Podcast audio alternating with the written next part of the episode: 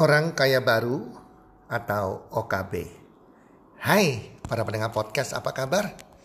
Teman-teman sahabat podcast Health and Well Community, harapan dan doa kami Semoga teman-teman bersama keluarga Anda dalam keadaan sehat walafiat selalu dan pasti-pastinya rezeki Anda makin bertambah dari hari ke hari, bulan ke bulan, serta kesuksesan dan keberuntungan selalu menyertai Anda di sepanjang tahun ini. Para pendengar podcast, Suatu saat saya pernah bersama seorang teman saya diundang dalam sebuah acara. Dan kemudian teman saya ini melihat seseorang yang menurut dia orang ini sombong dan sedikit pamer kekayaan. Dan teman saya kemudian nyinyir berkata kepada saya, lihat itu dasar OKB orang kaya baru dan ternyata teman-teman, si OKB tersebut yang dinyinyir oleh teman saya mendengar hal itu. Dan ia ngebalas, enggak apa-apa jadi orang kaya baru daripada situ. Jadi orang nggak kaya-kaya. Satu hal yang lucu teman-teman. Teman-teman, menurut saya fenomena mendadak kaya atau menjadi OKB, menjadi orang kaya baru jarang sekali terjadi. Kalau di luar negeri, di negara-negara maju, mungkin orang bisa kaya mendadak menjadi OKB itu karena lotre. Tetapi itu pun tidak sampai satu persen teman-teman. Jadi sedikit sekali, gak sampai setengah persen juga dari jumlah penduduknya. Di Indonesia, menurut saya tidak ada fenomena mendadak jadi kaya karena di Indonesia kan tidak boleh dan haram lotre ya atau undian harapan itu. Teman-teman, yang kita harus sadari bahwa apa sih kriteria orang kaya? Karena saya percaya kita semua para pendengar podcast juga kepingin menjadi seseorang yang kaya. Tetapi kalau kita tidak tahu kriteria kaya itu seperti apa, maka tidak akan tertanam di dalam mindset kita. Dan itu tidak mungkin menjadi kenyataan. Jadi kalau Anda mau kaya harus tahu dulu apa sih kriteria orang kaya itu. Menurut saya dan dari buku-buku yang saya baca, yang dikatakan kaya dan setiap orang tuh bisa menjadi kaya jika dia sudah punya rumah sendiri dan bebas hutang, dia sudah punya kendaraan sendiri, entah sepeda motor atau mobil dan sudah lunas pembayarannya, sudah nggak pakai utang lagi, dan dia punya asuransi jiwa yang suatu saat mungkin dia bisa wariskan ke anak atau pasangan dia kalau dia meninggal, dia juga sudah bebas hutang. Apa pun hutang itu, hutang kartu kredit, hutang yang namanya KPR, hutang bisnis, dia sudah lunas semuanya. Dan dia juga punya penghasilan yang di mana penghasilan tersebut dikurangi dengan seluruh biaya hidup dia dan keluarga. Setiap bulan ada lebih yang dia bisa saving atau investasikan di kuadran 4. Dan kalau dia bisa menjadi orang kaya yang plus, kalau dia bisa berbagi, bersosial, ya, membuka sebagian kecil, mungkin 5%, 10% penghasilan dia yang dia bisa bagikan menolong orang-orang yang kurang beruntung. Nah, itu kurang lebih ciri-ciri orang kaya, teman-teman. Jadi intinya adalah penghasilan. Kalau hari ini Anda masih punya hutang, Anda masih punya yang namanya uh, belum punya rumah, belum punya mobil sendiri, semua masih hutang, belum bisa memberkati orang lain, memberkati keluarga Anda, itu karena poinnya di penghasilan. Maka penghasilan Anda ini yang menentukan Anda bisa menjadi orang kaya atau tidak. Itulah sebabnya saya selalu mengajarkan kepada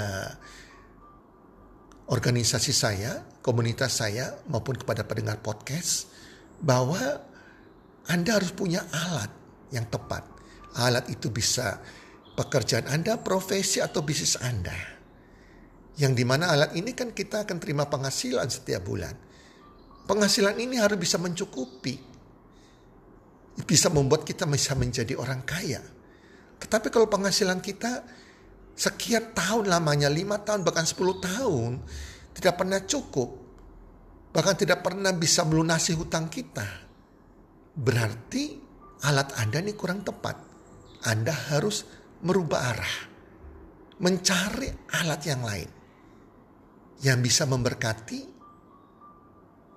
Anda dan keluarga Anda sehingga Anda bisa menjadi orang kaya. Teman-teman, saya katakan bahwa tidak ada yang namanya fenomena mendadak kaya. Jarang sekali terjadi apalagi di Indonesia. Nah, di Indonesia umumnya orang kan suka nyinyir, suka nyinyir ya, melihat kesuksesan orang lain dan apalagi dia baru tahu, wah orang ini baru satu dua tahun tiba-tiba mendadak jadi kaya dan nyinyirlah mereka. Itulah ciri khas sebagian besar orang Indonesia. Yang orang tidak tahu, orang luar tidak tahu. Yang di mana mereka hanya melihat kedahsyatan bisnisnya berhasil satu atau dua tahun. Kehidupan dia berubah total dalam waktu satu dua tahun. Yang mereka tidak tahu, yang orang-orang luar tidak tahu adalah si orang yang dinyinyir yang dikatakan orang kaya baru ini yang sebetulnya bukan orang kaya baru di Indonesia. Yang mereka tidak tahu adalah dia sudah jungkir balik di bisnis-bisnis yang lain yang gagal selama 10 tahun terakhir. Keberhasilannya yang tidak dilihat orang. Di mana ada kerja kerasnya. Ada kerugian yang dialami. Ada kegagalan. Ada kebangkrutan. Ada cibiran ada penolakan, ada hinaan orang. Bahkan hari-harinya terkadang dilewati dengan air mata. Air mata, air mata. Inilah yang ia lalui selama ini dan enggak kelihatan oleh orang-orang di luar sana.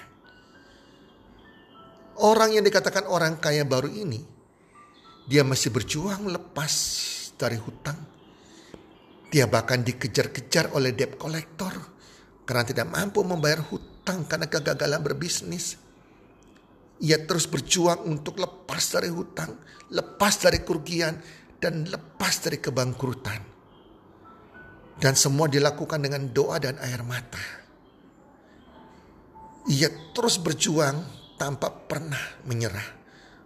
Untuk meraih impian dia itu kebebasan keuangan. Untuk punya kesehatan keuangan. Pas ia sukses, pas ia sudah menjadi kaya, eh orang luar menyebutnya mendadak kaya atau orang kaya baru OKB. Ya menurut saya nggak apa-apalah jika sebutan itu dianggap sebagai hiburan lah. Tidak perlu juga kita repot-repot menjelaskannya. Toh ciri, ciri khas orang Indonesia umumnya ya, kita jelaskan pun mereka gak mempan. Mereka gak percaya juga penjelasan kita.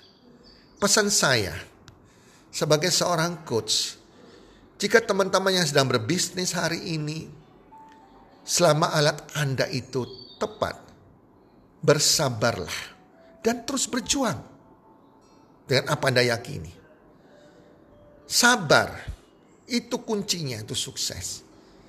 Sabar harus mau berkeringat, harus mau kerja keras, harus mau berjuang dengan tanpa menyerah tetap bersemangat dan percaya bahwa mimpi keuangan Anda pasti terwujud. Terus sabar berjuang. Sabar. Terus dengan semangat yang tinggi. Soal kelapangan rezeki, soal materi, insya Allah nanti akan mengikuti Anda.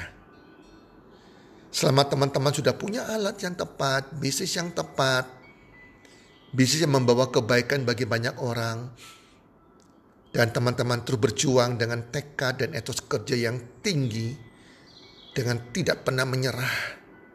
dengan keyakinan dan impian Anda, pasti, saya katakan pasti, pasti, bisnis Anda akan bertumbuh, bertumbuh dari bulan ke bulan, dan terus bertumbuh. Dan rezeki akan menghampiri Anda, hingga impian keuangan Anda menjadi kenyataan. Teman-teman, saya percaya hari ini Anda sedang berjuang keras untuk menjadi orang kaya. Karena tidak salah menjadi orang kaya. Tetapi itu suatu keharusan. Itu suatu ibadah untuk Anda dan keluarga Anda. Terus berjuang menjadi orang kaya. Jangan pernah menyerah. Bagi Anda sedang berjuang, terus berjuang. Saya percaya perjuangan Anda tidak sia-sia. Dan Tuhan yang Maha Esa pasti melihat orang-orang yang rajin, orang-orang terus berjuang dengan air mata dan doa. Dan ia akan pasti menurunkan rezekinya kepada Anda di waktu yang tepat. Saya percaya Anda semua yang terus berjuang dan bukan orang malas, Anda pasti mencapai impian keuangan Anda. Salam sukses. One, two, three.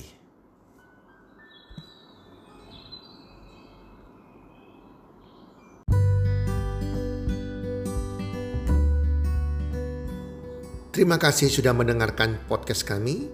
Teman, jika Anda rasa bermanfaat podcast kami ini, Anda bisa menginfokan kepada rekan kerja Anda, keluarga Anda, teman ataupun sahabat Anda.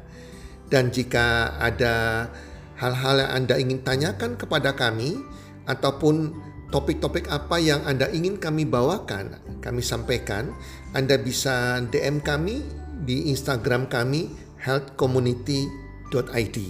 Salam one two three, salam sehat, sejahtera dan bahagia.